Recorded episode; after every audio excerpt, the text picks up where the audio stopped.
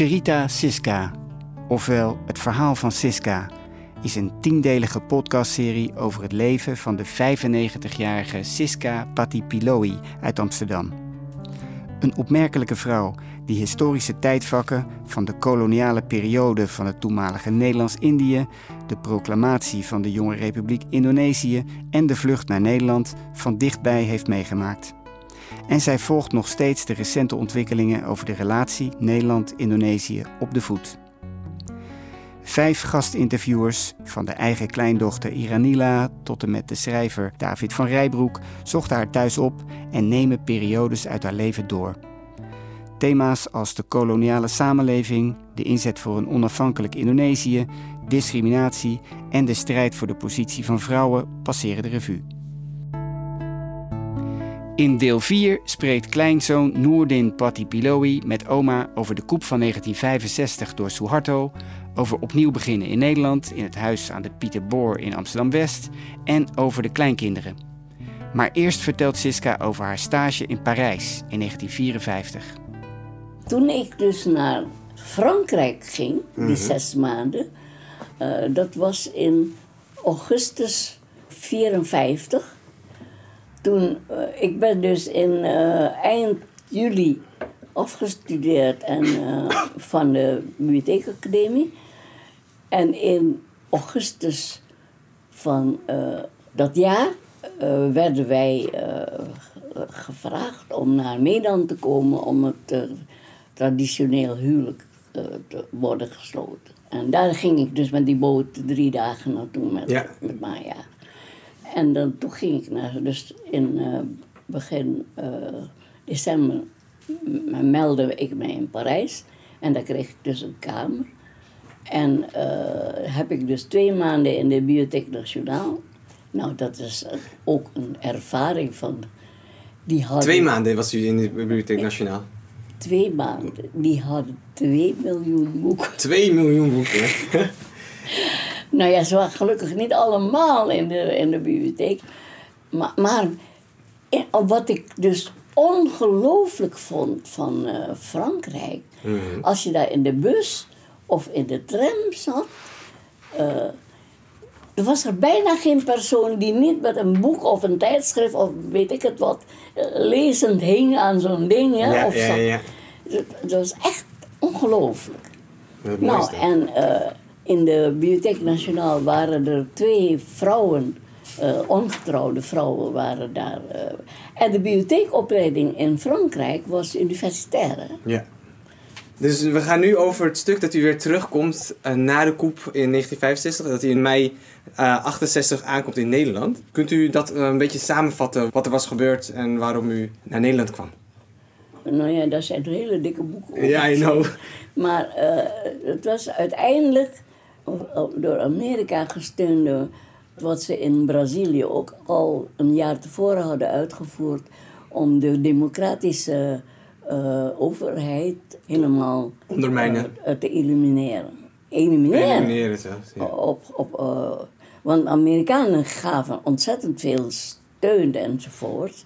Maar da- en vooral de stomheid van ons was dat we aangeboden hadden gekregen om militairen te laten trainen in uh, militaire officieren mm -hmm. in Amerika. Mm -hmm. Dus die waren natuurlijk helemaal America-minded. Mm -hmm. Dus uh, toen werd gezegd van die communisten gaan een coup uh, plegen.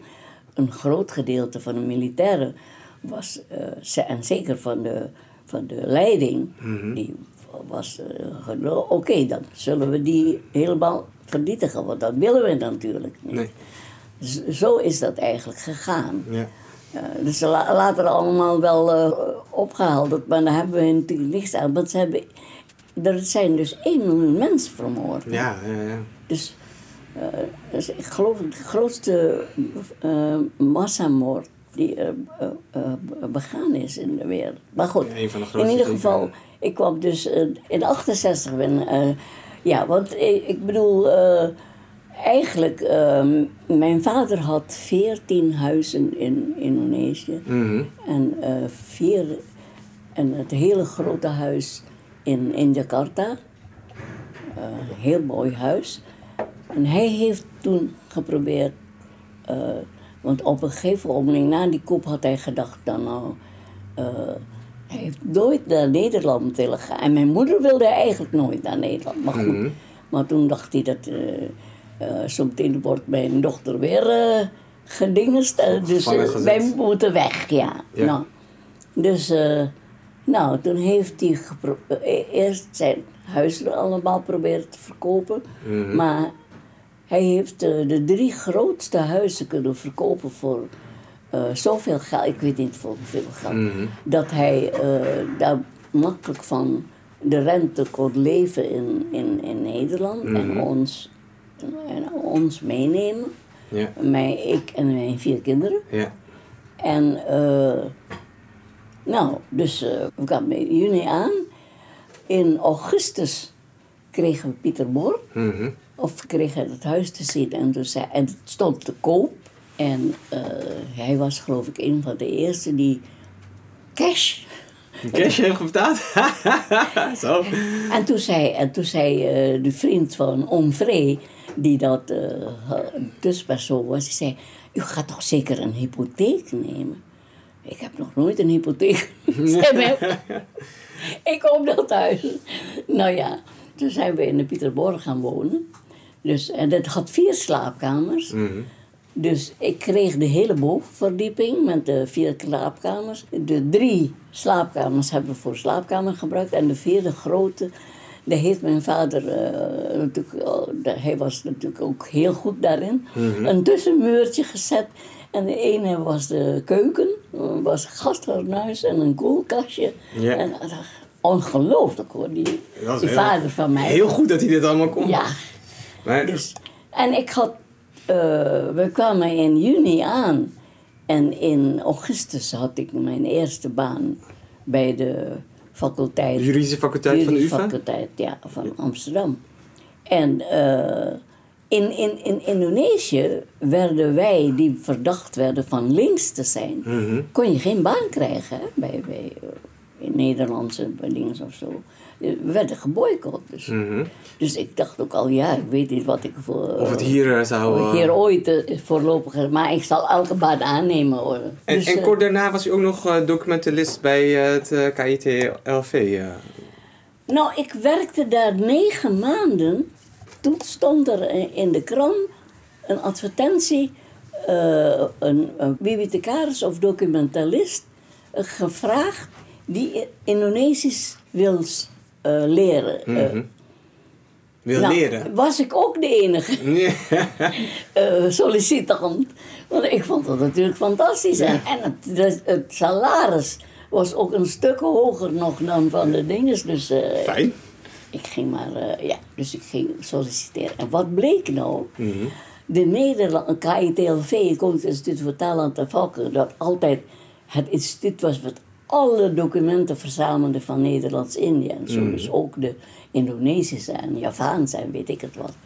Maar omdat ze zo boos waren dat ze Nederlands-Indië hadden verloren, hebben ze vanaf 1945 tot 1969, dan, Mhm. dat, uh, dat ik daar die advertenties zag, hadden ze geen materiaal verzameld. Oh. Dus hadden een geweldig big gap in de... Ja, in hele grote big gap. Ja, en ze waren wereldberoemd voor hun collectie eigenlijk. Mhm. Nou, en toen was... Oh ja, dat was ook zo toevallig. In die tijd was de microfiche uitgevonden. Weten jullie wat dat is? Nee. Dat is, eh, je maakt een microfiche van een document. Mhm. Dat is één fiche. Ja? oh, Dat kan, ik weet niet hoeveel honderd bladzijden dat kan vallen. Ja, En dat is micro allemaal. Mhm. Maar dat kan je dus dan eh, weer in eh, eh, normaal laten afdrukken in een gewone ding. Een soort van dia of Ja. zo die je dan kan uitvergroten. En de Amerikaanse eh, eh, studenten, hoe noem je de universiteit eh, van, ik weet niet meer hoe die, hoe die precies heet, die had wel alle Indonesische dingen verzameld. Want, maar die hadden weer geen assistent die Indonesisch kende. Ja. Dus dat lag daar maar. Maar, maar dat wist dus Leiden. Dus die heeft gezegd, kunnen wij eh, dat microficheren? Mhm. Oh, dat kan. Nou, dus toen is daar, eh, hebben ze de, een hele microfiche eh, collectie gemaakt van, van de, die collectie Die Brit- literatuur tussen 1945 en 1965. Ik werkte fulltime, dus. en en geen enkel. Eh, al, mijn twee dochters hebben allebei universitaire eh, studie gedaan. En eh, de twee zonen hebben academie allemaal gedaan. Dat heb ik allemaal zelf betaald. Want ik, wou, ik wist dat wat vreselijk was als je, begint, als je je leven begint met een terugbetalen van een beurs. hè. Mhm. En, en dan denk je, ja, maar hoe kan je dat dan allemaal betalen? Ik heb ontzettend veel verdiend met vertaling. Oh ja, dus er was dat, niemand die ja, vanuit het Indonesisch naar het Nederlands of het Engels kon vertalen. Dus ik heb, ik heb vreselijk veel verdiend eh, naast mijn dingen met vertaling. Dus ik kon al die studies heb ik eh, kunnen, daar, gelukkig ja. kunnen betalen, ja. Maar ik was er dus bijna nooit thuis. Mhm. maar, maar goed. Maar gelukkig woonden mijn ouders beneden, dus ze werden wel opgevangen. Ja, wat- wat, deden uw ouders precies eh, om, Nee, oh. met, om de kinderen op te vangen? Eh, mijn vader was eh, 76 en mijn moeder 67. Wat denk je dat ze deden? Ze gingen van hun pensioen leven. Alleen vond mijn moeder dat verschrikkelijk, want ze had altijd zoveel bedieners in huis en nou moest ze het allemaal zelf doen En natuurlijk. ook met de kinderen dus, met uw kinderen, dus met hun kleinkinderen, gingen ze op pad en... eh, Ja, maar het, het leven was helemaal anders. Hè? mhm. En zij had altijd van die reusachtige huizen met, met zoveel tuinen en zo gehad. Mhm. Dus we hadden alleen maar een, een, een, zo'n zo'n kleine eh, rijtjeswoning met een kleine achtertuin. En dan had je wel een balkon boven enzovoort. Maar ze, kon, ze ging zelfs niet eens in de tuin zitten. Want ze zei, iedereen kan jou zien. Mhm. En hoe, Dus mijn- hoe hielp uw vader de kinderen dan in Nederland? Want dat, dat ging je vertellen. Nou, hij, hij las vooral heel veel met hun en, Ja. enzovoort. En, eh, nou ja, wat- In het Nederlands dus. in het Nederlands. Ja, natuurlijk. Hij kende Mm. alleen maar Nederlands. Maar hij had bijvoorbeeld, eh, toen, toen ik mijn BA Engels moest doen in in Indonesië. eh, ik deed BA Literature, dus je moet Shakespeare en zo. Ja, ja, ja, hoe oud Engels. Mijn vader had alle toneelstukken van Shakespeare in het Nederlands vertaald, Oh. volledig, drie delen, Oh. in de bibliotheek. Dus voordat ik, een- ik moest twee eh, toneelstukken van Shakespeare voor het BE-examen doen. Ja. Ik kon ze dus eerst helemaal in, in Nederlands lezen, want eh, Shakespeare Engels is erg moeilijk. Ik heb hè? Shakespeare in het oud Engels heb ik moeten Ja, leren. ja, het ja. was niet geweldig leuk, moet ik eerlijk zeggen. Macbeth. Oh, nee, dat was niet. Ja, nou ja, dus. Nee, de- hij was echt een ongelooflijk. eh, en dat is mijn grootste grief tegen de Nederlanders. Ze hebben zo weinig van ons volk de kans gegeven die mijn vader heeft gehad. En er zijn zoveel van die typen als mijn vader die ook dit bereikt. Die hebben dat allemaal niet gekund. Er zijn er nu 260 miljoen mensen. Het grootste gedeelte leeft nog steeds in armoede. En, en, en, en, en, en, en die weten hun eigen geschiedenis niet eens. Ze weten niet dat de Bladden zo gemeen zijn geweest. Ja. Dat die tot de rijkste landen ter wereld hoorden. Omdat ze ons drie eeuwen hebben uitgebuit. Nu nog en horen, ja. als slaven misbruikt. Ja, Mhm. dat, dat, weet niemand. En dat vind ik eigenlijk het. Maar wat ik het ergste vind is dat ze ons onze cultuur hebben ontnomen. Mhm. En dat is voor een mens is, eh, het belangrijkste onderdeel van je leven Dat natuurlijk. Dat maakt jezelf, hè? Je, je cultuur. En dat, dat, dat, eh, dat vind ik het ergste van het kolonialisme. Nee, dat snap ik. En, want u was u dus hier met die kinderen ehm, gekomen, omdat het veel veiliger was voor, voor u en uw kinderen. En Nee, omdat mijn vader dat wou. Ik wou eigenlijk achterblijven. Ja, maar- Eerst had hij beloofd dat hij de kinderen zou gaan, maar toen dacht hij 76 jaar, Ja. eh, 67 jaar mijn moeder. Eh, de kinderen van, eh van die, eh, Bendy was 10 en Tino was 11 en Ja, half. 13 maar en 16. Dina was 13 en Maya was 16. Eh, om, om die allemaal op te voeden. om bij te staan in het Nederlands en weet ik het wat. eh, Iets ja, te ik veel. ga mee. Maar trouwens, hij was bang dat ik ook weer...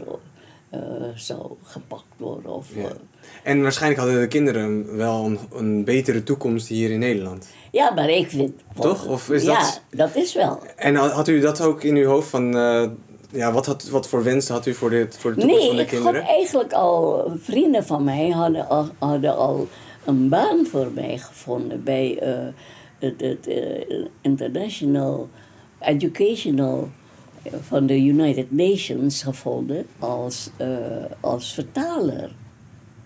Daar ze Dus dat een was baan niet- dat voor was mij. niet in Nederland? En dat, dat geeft een ontzettend groot salaris, hè, die internationale van de United Nations. Als je daar werkt, dan krijg je een reusachtig salaris. Dus ik had al helemaal uitgerekend, een, een, een, een, een- eh, ik hoef alleen maar een stukje van het salaris te krijgen en de rest gaat naar Nederland, voor, naar mijn ouders, voor de Mhm. kinderen. En het was, in het begin was het al twee maanden of drie maanden voordat ze weg zouden gaan, zei mijn vader, als jij niet meegaat, dan neem ik je kinderen niet mee. Nou ja, en toen moest, En toen dus moest mee. ik wel mee. Ja. Ja, nou. Maar toen u eenmaal in Nederland was... En Ja, maar het was vreselijk, want mijn man zat natuurlijk nog wel hier. Ja, dat snap ik. Wat, wat was uw laatste contact met eh, opa zijn? Ja, in de gevangenis één keer per, eh, of twee keer of drie keer per week. eh, een uurtje van, van zo kijken. Dat moet wel heel moeilijk zijn geweest. Vreselijk. Nee, maar dat, dat is allemaal eh, wat, wat, wat kolonialisme, wat Nederland ons heeft aangedaan.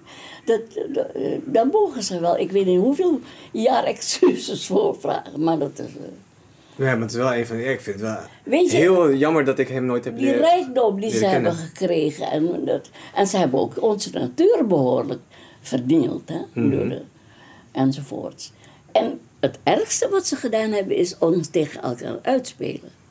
Het oprichten van het, van het en knil is ongelooflijk verschrikkelijk. Dat je mensen gaat opvoeden om hun eigen broeders hè, te vermoorden. Om het monopolie van het peper, dat was de Aceh-oorlog, was Mhm. het monopolie van het peper.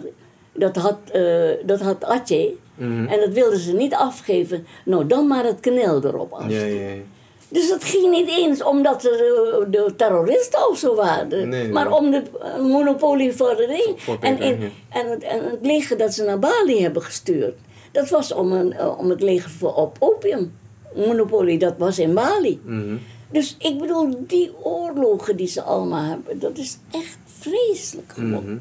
Mhm. Dus met medewerking van de eigen bevolking, je eigen broeders te vermoorden voor het, het, het, het kapitalistische product van de bezetter. Dat is toch echt. Wat mij nog het meest ergert is, eh, ze noemen wel eh, een internationaal hof van eh, gerecht, eh, rechtshof, maar hebben ze ooit eh, voor het gerecht geroepen al die kapitalistische landen die koloniën hebben gehad, die zoveel moorden en weet ik het en eh dingen hebben gestolen. hè, en, en ze zijn nooit veroordeeld Nee. of voor het gerecht geroepen. Dat is het kapitalistische systeem. Oma, we kunnen eigenlijk als eh, een, beetje, een beetje afsluiting wat lichtere onderwerpen, wat leukere onderwerpen. De vraag is eigenlijk eh, wat, wat de leukste herinneringen zijn aan uw eigen kleinkinderen. Oh. En wat vond u het belang van oma zijn en wat vindt u het belang van een relatie met nou, de het, kleinkinderen? het, het, het, het leukste van kleinkinderen hebben was dat, dat ik dat helemaal kon volgen, hè, de, dat opgroeien, eh, op een eh, groter percentage dan ik mijn eigen kinderen heb kunnen volgen. Ja, want u hoefde niet meer fulltime te werken. Nee, bovendien had ik allemaal ingewikkelde eh, taken en zo, die echt ook je aandacht helemaal verwonnen. Mhm. En, en dat is natuurlijk ook, eh, dat helpt ook heel erg mee. Ja. Terwijl de kleinkinderen hier hebben echt de gelegenheid om alles wat leuk is, of niet leuk ook, eh, op een goede manier eh, te, te, te volgen. En dat vind ik fantastisch. Ja, en op de Pieterboor hadden wij natuurlijk altijd dat we in het weekend kwamen en dat we echt met de hele familie konden zijn. Ja, ook dat. Het enige wat ik wel jammer vind, is dat eh, ik te weinig bij de kleinkinderen het land van herkomst heb kunnen overbrengen. Want dat is erg moeilijk. Dus, Maar daar zijn we nu eigenlijk nu dan extra mee bezig weer. ja. Gelukkig zijn jullie wel al een paar keer naar eh, Indonesië geweest op vakantie en zo. Dus, eh, maar het echt, het, het leven, het, be- het, het belang, de cultuur en zo, dat kan je natuurlijk niet meer inhalen. Nee, dat, is- En dat, is heel mooi. heel jammer. Dankjewel voor het gesprek. Het was heel fijn.